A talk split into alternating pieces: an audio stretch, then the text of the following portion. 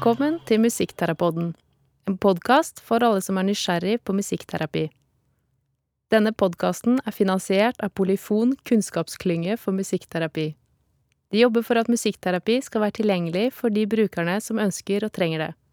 Følg gjerne med på Polyfon sitt arbeid på Facebook. I denne episoden har vi besøk av Brynjulf Stige, som er professor i musikkterapi og leder for Polyfon. Brynjulf har jobba aktivt hele yrkeskarrieren sin for å utvikle musikkterapifaget og få musikkterapi ut i samfunnet til de som ønsker og trenger det.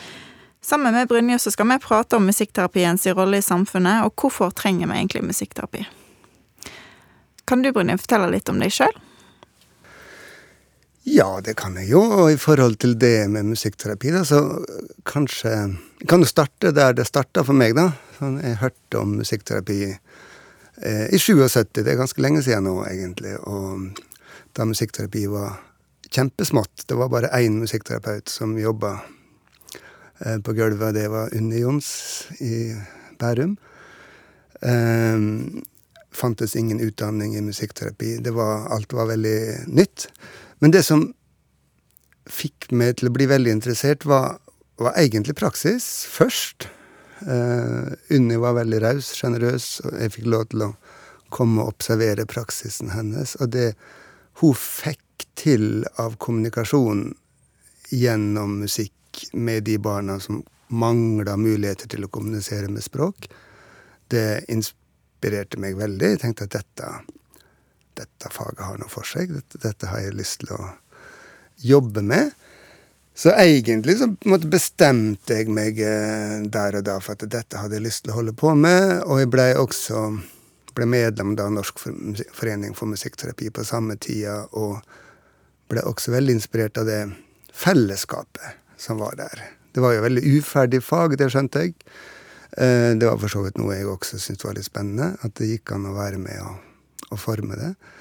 Eh, men det var kanskje særlig det som gjorde inntrykk, var det sterke fellesskapet i foreninga, og at det var et miljø som både tenkte lokalt og internasjonalt. Altså Noe av det første jeg fikk oppleve, var jo da et foredrag med Clive Robins, som kom til uh, Oslo. og Det var også veldig inspirerende sant? å høre en av de internasjonale pionerene. og få hans framstilling. Er liksom både husker at jeg tenkte dette har jo veldig mye for seg. Og så tenkte jeg også at dette er veldig uferdig teoretisk, eh, husker jeg at jeg tenkte. Så, så og begge deler syns jeg var på en måte litt spennende. spennende på en måte. Samtidig så, så var jeg også veldig i tvil, for på 70-tallet så var det en veldig sånn eh, kraftig debatt om, eh, om, helsevesen, om terapi og om profesjoner. Eh, med mye kritikk av eh, Jeg husker jeg leste av da helseprofesjoner. Jeg husker jeg leste Finn Carlings 'Skapt i vårt bilde'. Han var en av våre fremste forfattere på den tida. Men født med, med CP, så han hadde jo store utfordringer motorisk. Og fikk jo selvsagt en veldig spesiell barndom på grunn av det. Og han skrev en veldig sånn kritisk bok der han på en måte argumenterte for at hvis vi ikke passer oss nå, så er halvparten av samfunnet terapeuter og halvparten klienter. Vil vi egentlig ha en sånn samfunnsutvikling? Altså, det må vel være mulig for meg å ta med en dusj uten at det kalles for hydroterapi. Eh, så den medikaliseringa, terapeutifiseringa av samfunnet som på en måte da forflytte problemer fra et politisk nivå, et samfunnsnivå, til et individnivå, det var jeg veldig opptatt av. Som gjorde at jeg var veldig i tvil om jeg kunne velge dette faget, sjøl om det fascinerte meg eh, så mye. Men har du sett Kan du si noe om rolla til musikkterapien i en sånn eh, medikaliseringsprosess fra 70-tallet og framover, da? Det, det, som gjorde at jeg til slutt valgte å søke studiet likevel, var vel Even Ruuds sine bøker, der jeg så en bevissthet om den type problemstillinger, og en bevissthet om musikkterapiens rolle i samfunnet, og musikkterapiens ansvar i forhold til politiske spørsmål og, og samfunnsspørsmål. Slik at jeg endte med å tenke at uh, det går an å jobbe med den type problemstillinger innenfor faget. Uh, uh, så da, da, er det kanskje ikke tilfeldig at samfunnsmusikkterapi ble en av mine store interesser da, innenfor faget. For at, uh, var det kanskje litt flaks at jeg havna i en jobb når jeg var helt nyutdanna i 83, der jeg faktisk kunne jobbe med Altså, ordet samfunnsmusikkterapi fantes jo ikke, så vi, vi hadde ikke skikkelig språk for det vi jobba med. Men, men jeg kunne iallfall jobbe med en sånn økologisk tankegang der det ikke bare handla om individet, men handla også om lokalsamfunnet. I hvilken grad gir lokalsamfunnet plass til mennesker med uh, utfordringer. Um, så det har vært min, en av mine lidenskaper å på en måte jobbe med forholdet mellom individ og samfunn innenfor faget, da, kan du si. Ja, mener du på en måte da at å bruke musikken til å liksom skape et sånn felles fellessamfunn, da, der det ikke er sånn terapeut og klient hele tida, men at vi er et fellesskap og holder på med eller? Ja, men det er kanskje bare ei side av det, for det er jo, det er jo slettes ikke slik at um, at all individualterapi er feil. Altså det, det, er jo veldig mange som har glede uh, av å gå til terapi uh, enkeltvis. Så den praksisformen tror jeg bør være der. Eller altså, det er jeg helt overbevist om. Uh, så det er like mye at en har kritikken og samtalen og refleksjonen gående i faget, slik at vi er bevisst på, på hvilket nivå vi jobber på, og bevisst på hva som tjener denne brukeren, hva som tjener det samfunnet vi er en del av, og når blir vi en litt kritisk stemme som kan være med på å bidra til litt mer inkluderende lokalsamfunn, og når bidrar vi til at eh, problemer blir definert på individnivå, når det egentlig er faktisk et et samfunnsproblem. Hvilken rolle har musikkterapi i samfunnet? Ja, det er et stort spørsmål. Eh, men, men altså, jeg, jeg, tror det er veldig viktig å tenke på det spørsmålet. Og jeg tror det er viktig å tenke på det på flere måter, da. Eh, for jeg sa i stad at jeg var, helt siden jeg hørte om musikkterapi, har vært litt sånn opptatt av og bekymra for at musikkterapi kan som alle andre terapiformer, kan bidra til at problemer blir definert på individnivå. Punktum. Eh, men det er jo ikke det samme som at ikke problemer fins på individnivå. Så, så uh, mange musikkterapeuter gjør jo veldig godt og viktig arbeid der med å hjelpe enkeltpersoner til å få et bedre liv. Og, og det betyr jo også noe i samfunnssammenheng, sjølsagt. Altså hvis folk får et bedre liv, så, kan de delta mer i lokalsamfunnet, mer i arbeidslivet, og, og det kommer samfunnet til nytte, og personen til nytte. Og jeg tenker også, Vi kan tenke på det på sånn organisasjonsnivå. At musikkterapeuter eh, Vi hører jo både fortellinger om det, og ser også forskningsstudier på det. At det, det å ha musikkterapi på en avdeling eller på, på, en klinikk, at det faktisk kan av og til kan gjøre noe med trivsel i et arbeidsmiljø. Ikke for at musikkterapeuten er mer trivelig enn alle andre, det kan sikkert av og til skje, men, men fordi at musikken sant, skaper noen muligheter for fellesskap og, og deling, og altså har noen muligheter i seg. Eh, og så syns jeg det er tredje nivå. altså Det er viktig å på en måte stille det spørsmålet på et litt mer sånn makronivå. Altså i hvilken grad bidrar vi til nytenking om hva musikk er? At det er mer enn underholdning, det er mer enn perfeksjon. At det handler om kommunikasjon, om trivsel, om fellesskap. Altså vi kan utfordre tendenser til å tenke litt smalt om, eh, om musikk. Og vi kan sikkert også utfordre tendenser til å, litt, nei, til å tenke litt smalt om helse. Altså at helse er det å ikke være sjuk, eller det å ikke ha symptom. Uh, mens helse jo handler om mer enn det. Altså det handler om å, om å finne en plass i et fellesskap, om å kunne delta. Altså det handler også om om igjen prosesser både på individnivå og på et sånt eh, gruppenivå. Slik at helse kan jo veldig mange sammenhenger handle om du kan slite med noen symptomer, men du kan kanskje få redskaper til å delta. Og da har du på en måte gjort noe som kan bidra til, til bedre helse. Både hos den personen og, i det fellesskapet. Um, så jeg, jeg, tenker at vi, vi, kan reflektere over hva musikkterapien betyr i samfunnet på, på liksom flere nivåer. Og at vi både må tenke på de mulighetene musikkterapien har til å bidra positivt, og den risikoen for at musikkterapi, som alle andre terapiformer, også på en måte kan, kan representere noe som ikke bare er bra. Liksom At vi har døra åpen for å tenke den tanken også. Ja, For du tenker ikke at det er automatisk sånn at eh, å ta musikkterapi inn i f.eks. Eh, spesialisthelsetjeneste eller sykehus da, gjør at vi automatisk tar på en måte det friske inn i det sjuke, da?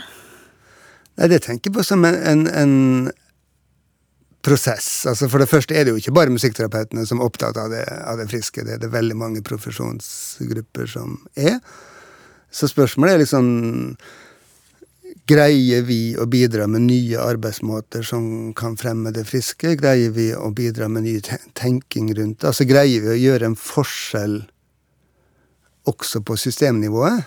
Eh, det skjer ikke automatisk. Det tror jeg er noe som vi må ha stor som bevissthet om, eh, og jobb, at vi må jobbe for det systematisk for at vi skal, skal bidra eh, på den fronten. Og for meg er det ganske viktig, altså for å sette det litt på spissen Jeg er litt usikker på om helsevesenet liksom trenger bare én ny metode, liksom.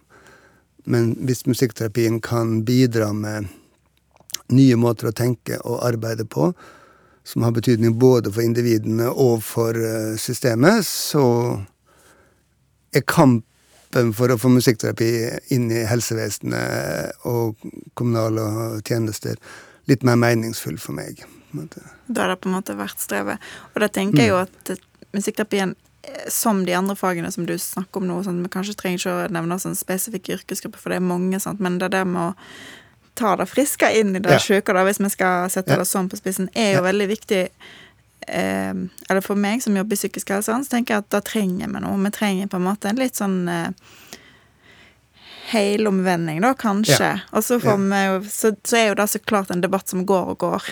Eh, men da tenker jeg at som musikkterapeut i psykisk helsevern, så er det veldig godt eh, å sitte i teamarbeid og snakke om det som er vanskelig, og så kan jeg som musikkterapeut si at uh, jeg mener ikke å tråkke noen på tærne nå eller vært kjip og vanskelig og sånn, men jeg opplever ikke dette som en vanskelig pasient, eller jeg opplever ikke dette så vanskelig, fordi jeg har musikken som verktøy. Og når vi bruker musikken som verktøy her, så har vi det bra i lag, og da er det masse ressurser her, og initiativ og motivasjon og, eh, og kommunikasjon, da. Og det er kanskje da du snakker om, da, at da musikkterapien som ett av flere fagfelt kan være med og hjelpe helsevesenet til å ta det enda mer inn i systemene sine? Jeg tenker veldig det, og jeg tenker det du forteller, både viser at vi har grunn til å ha sjøltillit. Vi har noe å fare med, vi har noe, noe å bidra med som, som, systemet trenger.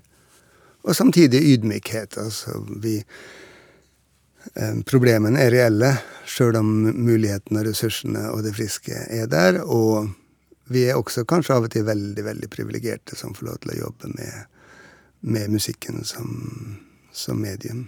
Altså ikke, ikke glemme, at vi ikke glemmer det, da.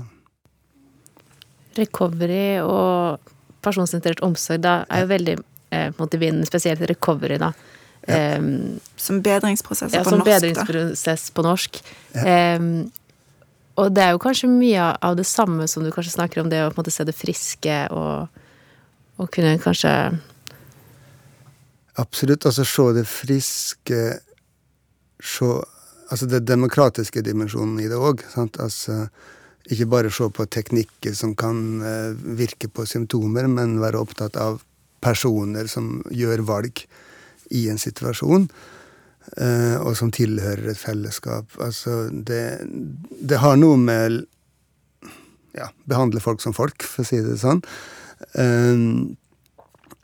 Så det er klart at det med bedringsprosesser, recovery, den mer sånn demokratiske måten å tenke psykisk helsevern på, det er en vesentlig Eller ikke bare psykisk helsevern, også kommunale. Altså det er en vesentlig årsak til den interessen som er for musikkterapi i samfunnet i dag.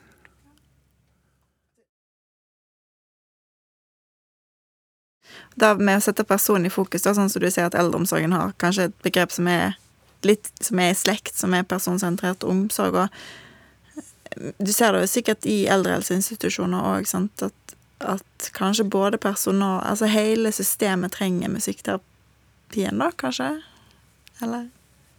Jeg tenker sånn, og så tenker jeg at når du sammenligner de to feltene, så Altså, jeg er veldig enig i at det, det begrepet personsentrert omsorg som er like tydelig skrevet inn i demensretningslinja som recovery er skrevet inn i f.eks. psykoseretningslinja eller rusbehandlingsretningslinja. Det, det er søskenbarn, det er tenkemåter som er litt i slekt med hverandre. Litt forskjellig språkbruk, tradisjoner forskjellige navn, og det kommer kanskje fra litt forskjellige Har hatt litt forskjellige utviklingshistorier.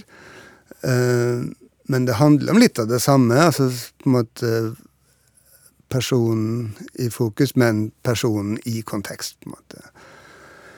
Uh, men det, det, er jo et interessant sammenligning nå hvis vi snakker om musikkterapi og samfunn, fordi at uh, Spørsmålet er jo ikke bare hvordan musikkterapeuter eventuelt greier å påvirke et samfunn, men også hvordan et samfunn setter premiss for musikkterapeutisk praksis. Og vi ser jo at helsemyndighetene, Helsedirektoratet, når det gjelder rus og psykisk helse, har sett den koblinga veldig aktivt sjøl. Slik at når Helsedirektoratet har skrevet retningslinjer, nasjonale retningslinjer for, uh, for rusbehandling eller for psykosebehandling, så har de jo løfta musikkterapi så langt opp som de kan gjøre, på en måte. Gjort musikkterapi veldig tydelig. Uh, og slik jeg ser det, altså fordi at de har tatt eh, brukerstemmene på alvor, og brukerstemmene har etterlyst andre måter å jobbe på enn Altså, altså supplement da, til medisinering og verbal psykoterapi. Og da har helsemyndighetene sett at musikkterapi kan være et sånt supplement som kan være noe, noe annet, som kan passe godt med et recovery-perspektiv. Eh, og tilby meningsfylt aktivitet og fellesskap eh, samtidig som det ligger forskning bak. Så de har sett den muligheten og sett musikkterapiens relevans for et recovery-perspektiv også. Og gjort musikkterapi veldig synlig i de retningslinjene. Det har jo ikke skjedd i demensretningslinja. Jeg mener at eh, det er like gode argument for å koble musikkterapi til en personsentrert tankegang eh, som det er å koble det til recovery. Men men helsemyndighetene har ikke gjort den koblinga på samme måte. Så altså musikkterapi innenfor demens og eldreomsorg har ikke samme medvind fra, fra nasjonale myndigheter. Um, men litt vind er det jo. Uh, altså senest Altså siste folkehelsemelding som kom, var det i fjor. Eh, så har jo eh, regjeringa valgt å skrive musikkterapi inn som et veldig, sånn, veldig viktig eksempel på hvordan du kan jobbe personsentrert med, med, med mennesker med demens. da. Men nå er vi jo inne på det som vi lurer på. Doff, hvorfor er det sånn at eh, For vi sier jo at musikkterapi er et fag i medvind nå, men det er ikke mm. alle, og det er et fag som favner bredt, og du har vært inne på det, sant? du ble inspirert av å jobbe med personer med psykisk utviklingshemming, ja. og så har det gått derfra. Men vi er jo ikke der at eh, det er medvind i seilo i alle fagfeltene. Og, og hvorfor er det sånn, hvis vi ser på det i et samfunnsperspektiv, da? Mm. Ja, for det, det handler iallfall ikke om liksom hvor er musikkterapien viktigst. Eh, han er kjempeviktig innenfor psykisk helse og innenfor rus, men han er jo også kjempeviktig når det gjelder arbeid med utviklingshemma og, og, demens. Så jeg tror mulighetene er like store. Så det, det handler veldig mye om, om eh, hvilken Altså utviklings generelle utviklingstendenser innenfor ulike felt. Altså innenfor psykisk helse og rus så er det en sånn Det er kanskje en motkultur, kanskje, sant, til, som musikkterapien da blir en del av. Altså en, en Det fins krefter både nasjonalt og regionalt som jobber for at psykisk helse og rusfeltet skal få mer tverrfaglighet og større bredde, og i større grad plukke opp dette med recovery og det å jobbe ressursorientert. Og da passer musikkterapi inn, og så heier de musikkterapi fram, på en måte. Uh, er det fordi brukerne kan eh, snakke si, eller være sin egen stemme, da, på en måte? Det er veldig god kommentar, for det Det spiller alltid inn i sånne prosesser. Generelt innenfor rus og psykisk helse så har jo en ofte tenkt at brukerne ikke har hatt så sterk stemme som på en del andre felt innenfor helsevesenet, altså innenfor kreftbehandling og sånn, så har brukerne en veldig sterk stemme. Um, men det, det, er nok helt klart, altså spesielt etter 2010, når flere brukerorganisasjoner slo seg sammen i den såkalte fellesaksjonen, og blant annet satte det med retten til å kunne velge medikamentfri behandling på, på sakskartet så etter 2010 så har nok brukerstemmene blitt viktigere innenfor uh, psykisk helse. Altså fått mer gjennomslag, da, enn det de fikk, uh, fikk, før. Så det tror jeg spiller inn. Og så ser vi altså vi ser en generell utvikling, f.eks. når det gjelder utviklingshemma, at uh, det har jo blitt veldig mye bedre enn det var for 30 år siden når det gjelder boliger. De, Men der er de på vei tilbake igjen nå, sant? Sånn at det skjer jo en endring, ja, en negativ endring det er helt Sant, det er helt sant. Men det har i hvert fall ikke vært en positiv utvikling når det gjelder aktivitetstilbud og innhold. Sant? Altså, mens det i de litt utskjelte institusjonene for utviklingshemma som vi hadde, så var det jo stort sett høgskoleutdanna folk i veldig stor grad som jobba med aktivitetstilbud og, og sånne ting. I dag kan det være veldig mange kommuner som har uh, arbeidstakere som jobber med utviklingshemmede, som har veldig lav uh, Altså, de kan ha høy praksiskompetanse, men de, de har kanskje ikke høgskoleutdanning og, og um, Så konteksten og, og åpninga for å ta i bruk uh, musikkterapikompetansen har liksom forsvunnet fordi at systemene har, har endra seg. Eh, og det er jo rasende synd, for der, der har musikkterapien noe å bidra med. Men det er jo litt interessant, fordi at eh, vi har jo musikkterapi eh, i eldrehelseinstitusjoner som er liksom sånn at det blir ofte løfta fram, men så er det egentlig ikke så mange musikkterapeuter som jobber der likevel, men en ser det. Men så har vi jo musikkterapi i psykisk helse og rusfeltet, men da er jo innenfor spesialisthelsetjenesten. Og som musikkterapeut i spesialisthelsetjenesten så vet jeg jo at der skal vi drive med kortsiktig behandling, for det er i kommunen livet leves. sant? Ja. Sånn at det, eh, langvarig musikkterapibehandling tilbyr vi jo på en måte ikke, fordi at vi skriver jo folk ut ja. fra spesialisthelsetjenesten.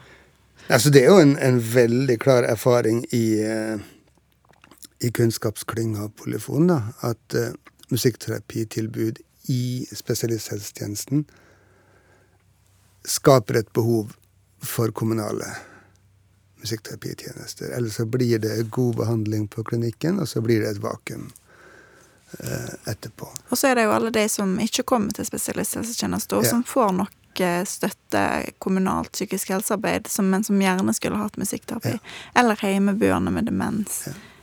Eller eh, barn som eh, begynner på skole, da, som har fått et godt musikkterapitilbud. Her i Bergen så er vi heldige. Nesten alle fagsenter og pedagogiske fagsenter har musikkterapeuter. Men mm.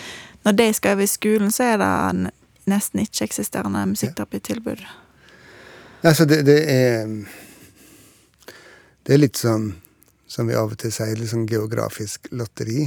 Eh, hvem som har tilgang til musikkterapi. Det er jo, Hvis du går tilbake til psykisk helse, så er det, det er ikke det er ikke sånn at uh, ingen kommuner har musikkterapi innenfor psykisk helse og rus. Det fins kommuner som har det. Uh, men uh, her i Bergen, for å ta det som eksempel, så jo, har den utviklinga bare så vidt begynt.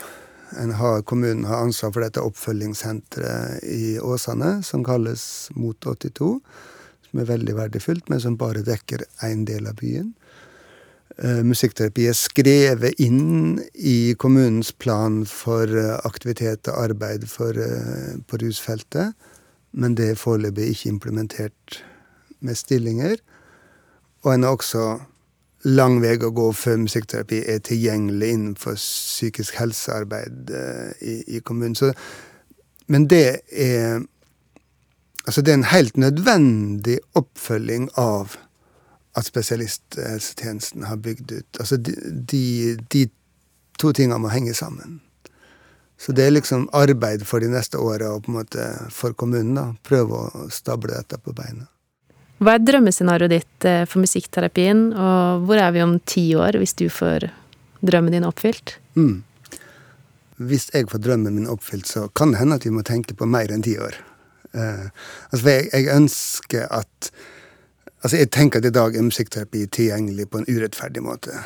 Det er, det er dokumentert at det virker. Mange brukere ønsker det, og det er anbefalt i nasjonale retningslinjer, men det er bare tilgjengelig noen plasser, og andre plasser ikke i det hele tatt. Det oppfatter jeg som en urettferdig situasjon, og som en situasjon som, er, altså som ikke er i tråd med sånn som vi ellers definerer offentlige tjenester, nemlig at det skal være likhet eh, i tilgang til tjenester. Så å endre det, det er jo kanskje den viktigste drømmen min. At det skal bli mer rettferdig tilgang. Det tror jeg tar mer enn ti år. Altså, da må vi sannsynligvis øke fra 350 musikkterapeuter i Norge som vi har i dag, til kanskje 3500, eh, eller noe sånt. Og det tar jo ikke ti år. Det tar Psykologene brukte 40 år fra å gå fra 200 til 4000. Eh, så vi, kanskje snakker vi da 40 år. Eh, før, før, vi er der at situasjonen virkelig begynner å bli mer et Vil jo hjelpe allerede om ti år hvis vi fortsetter å bevege oss. Altså, det har jo hjulpet. Det har jo f.eks. blitt mer rettferdig. F.eks. når det gjelder eh, psykisk helsevern, så var det jo for bare få år siden én av seks DPS-er som hadde musikkterapeut, og nå er det, har alle seks. Så det, noen steder begynner det å hjelpe i noen, noen praksisfelt, men skal det hjelpe nasjonalt, og så må vi ha mange, mange år på oss, da. Men vi må jobbe med det. Så det er også en drøm jeg har, at vi skal fortsette å backe hverandre som fagpersoner til å jobbe godt i en slik retning, da. Hva må musikkterapifeltet gjøre for å oppnå den drømmen din, da? Um, ja, flere ting, egentlig. Altså ting som vi allerede har begynt på.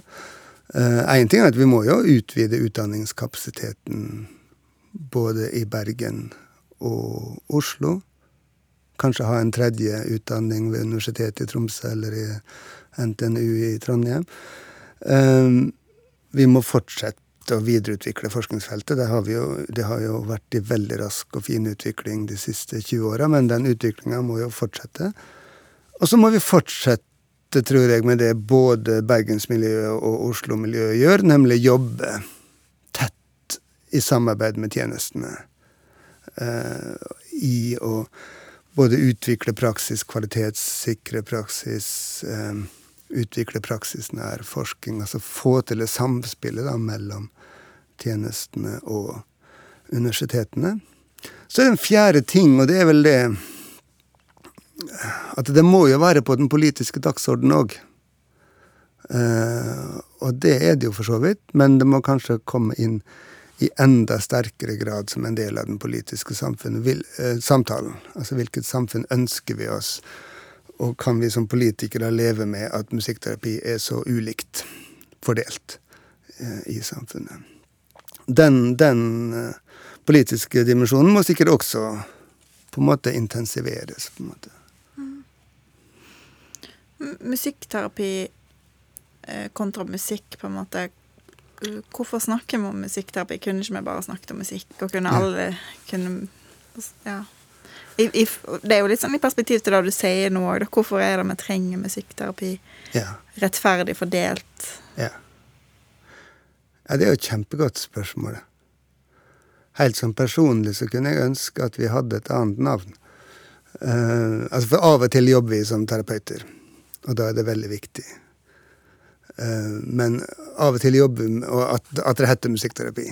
Men av og til jobber vi kanskje med helsefremmende, forebyggende arbeid i skole eller lokalsamfunn, som jo ikke er terapi, men som er akkurat det. Det er helsefremmende arbeid. Um, og da er det litt forvirrende for folk at uh, yrkesgruppa heter musikkterapeuter. Det er kanskje ikke mer forvirrende enn at uh, fysioterapeuter også av og til jobber med helsefremmende og, forebyggende arbeid, så det er sikkert på en måte håndterlig, men det er en ekstra sånn kommunikasjonsutfordring, uh, da. Så kanskje vi skulle hatt master i helsefremmende musikkarbeid, da? ja, det, ja, det, er en veldig artig tanke. Altså, det er i hvert fall viktig å holde en forskjell mellom at vi har et fag, og da, da må vi som forskere interessere oss for all helserelatert musikkbruk, enten det er folks egen hverdagslytting til musikk, eller det er profesjonell musikkterapi. For å på en måte ha den konteksten og helhetsforståelsen. Og så har vi en profesjonell praksis, og da, og da, må vi Som er et annet nivå, på en måte. Og da må vi skille og være veldig sånn bevisst. Når er det behandling? Altså når du jobber på en DPS, så står det i nasjonale faglige retningslinjer at eh, musikkterapi som behandling skal utøves av en med godkjent utdanning i musikkterapi. Så det har på en måte helsemyndighetene regulert.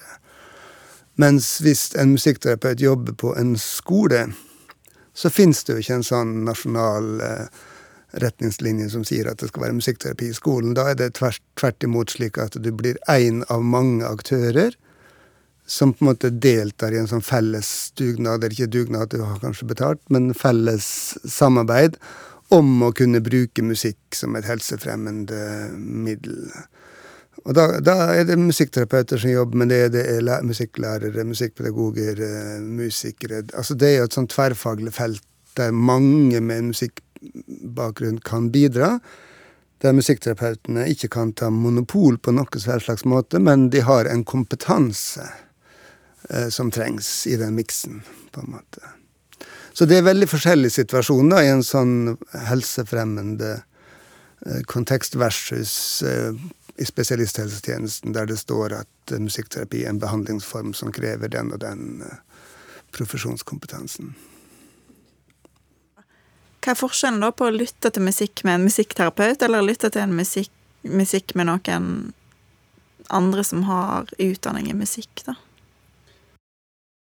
Det er sikkert et av de spørsmålene der det er kjempeviktig å huske på at, at det er flere nivåer.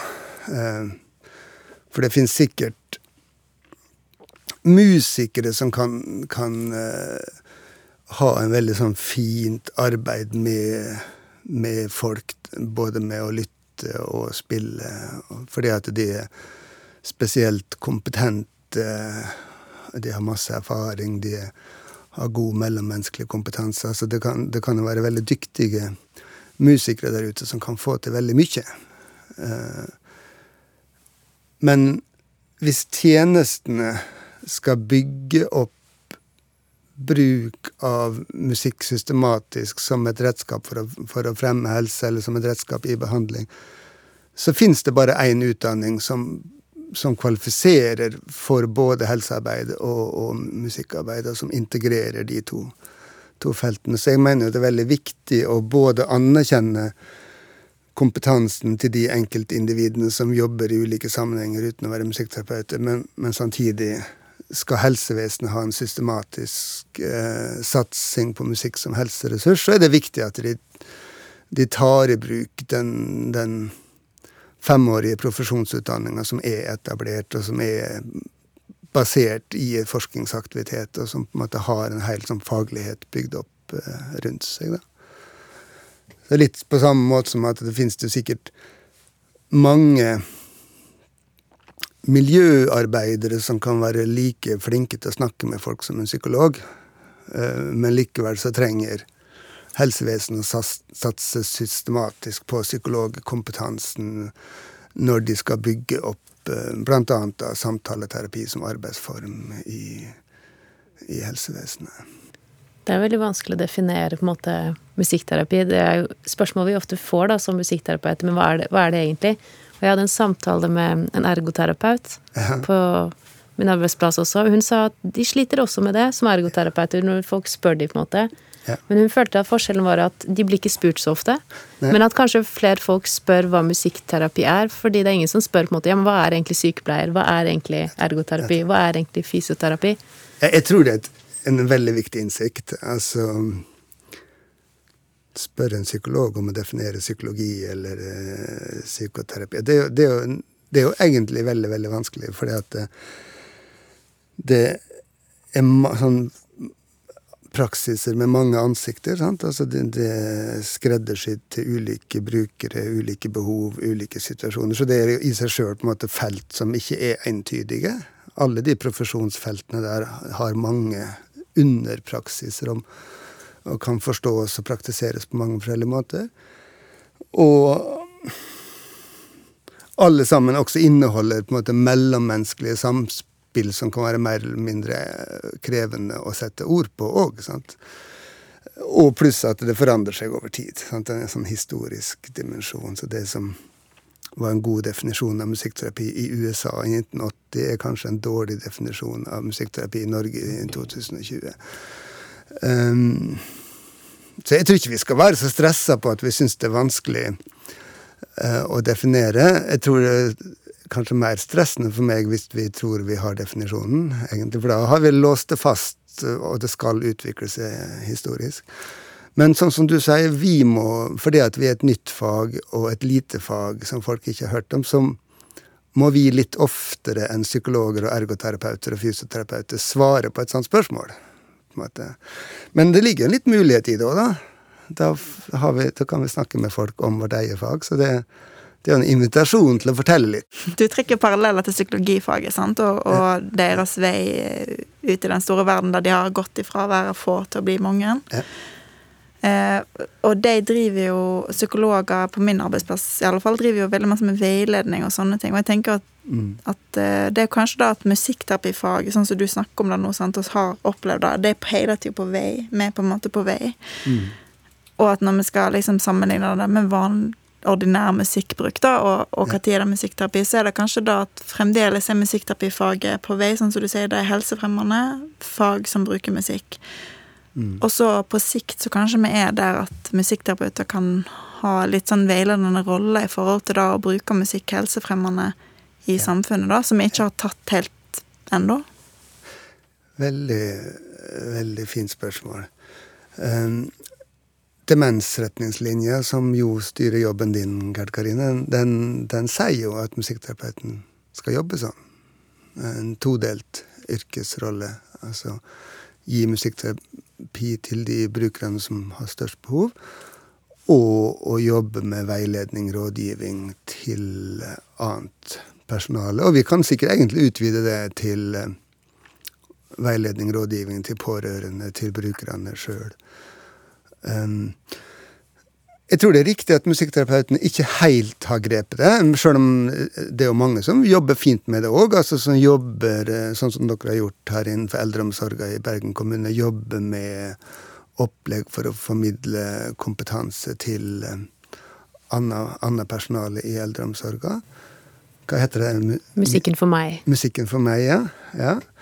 Det er et godt eksempel på at musikkterapeuten har tatt tak i, i, i den type jobb. Og så tror jeg eh, Og innenfor psykisk helse og rus så har han jo hatt kursing av musikkontakter og Altså, det er sånne fine eksempler på at det går an, og at det fins et potensial der. Og jeg tror musikkterapeutene skal gripe det veldig aktivt.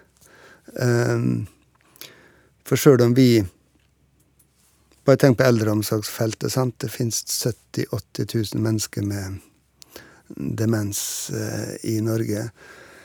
Eh, vi møter ikke folks behov hvis vi liksom tenker at alt dette her skal møtes ved hjelp av eh, individualterapi og gruppeterapi. Altså, jeg tror vi tenker når trengs det?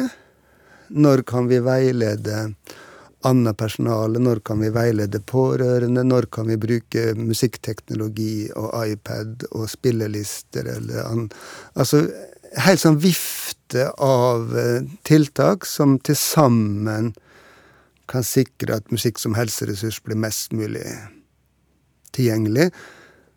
Og um, jeg, jeg, tror det er kjempeviktig at vi liksom ikke bare tillater hele den vifta, men kanskje egentlig aktivt bidrar til at hele den vifta blir tatt i bruk. da.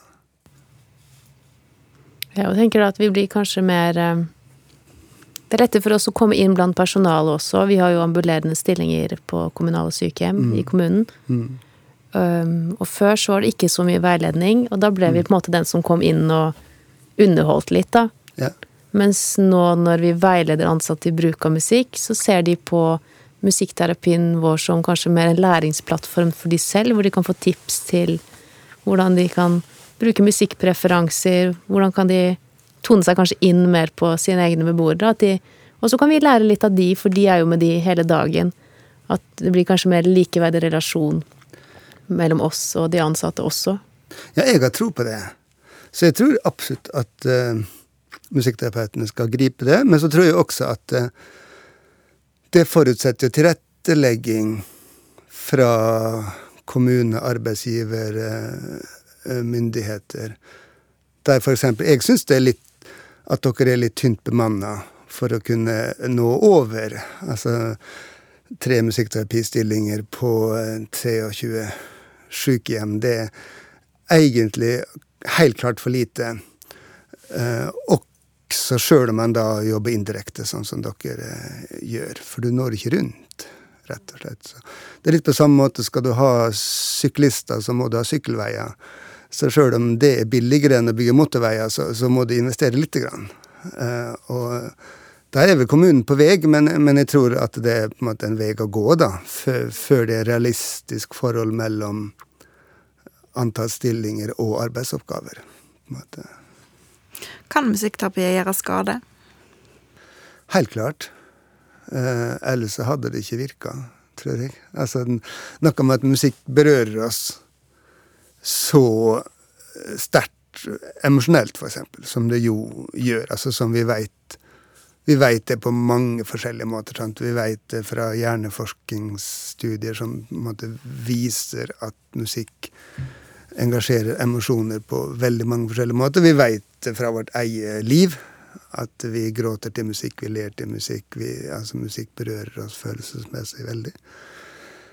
Og vi ser det i arbeid med, med de vi eh, jobber med. Det er en av de tingene jeg husker best fra den tida jeg jobba i psykisk helsevern sjøl som musikkterapeut, at det var mange pasienter som kanskje kom til musikkterapi med kanskje litt sånn tanke om at de skulle komme og lære musikk. Uh, og det skjedde jo ofte at de lærte en del musikk, men det skjedde jo veldig ofte også at musikken berørte deg følelsesmessig mye mer enn de hadde på en måte forventa eller antatt på forhånd. Og, og da sier det seg sjøl at uh, sterke emosjonelle opplevelser i musikk, det kan være noe du vokser på.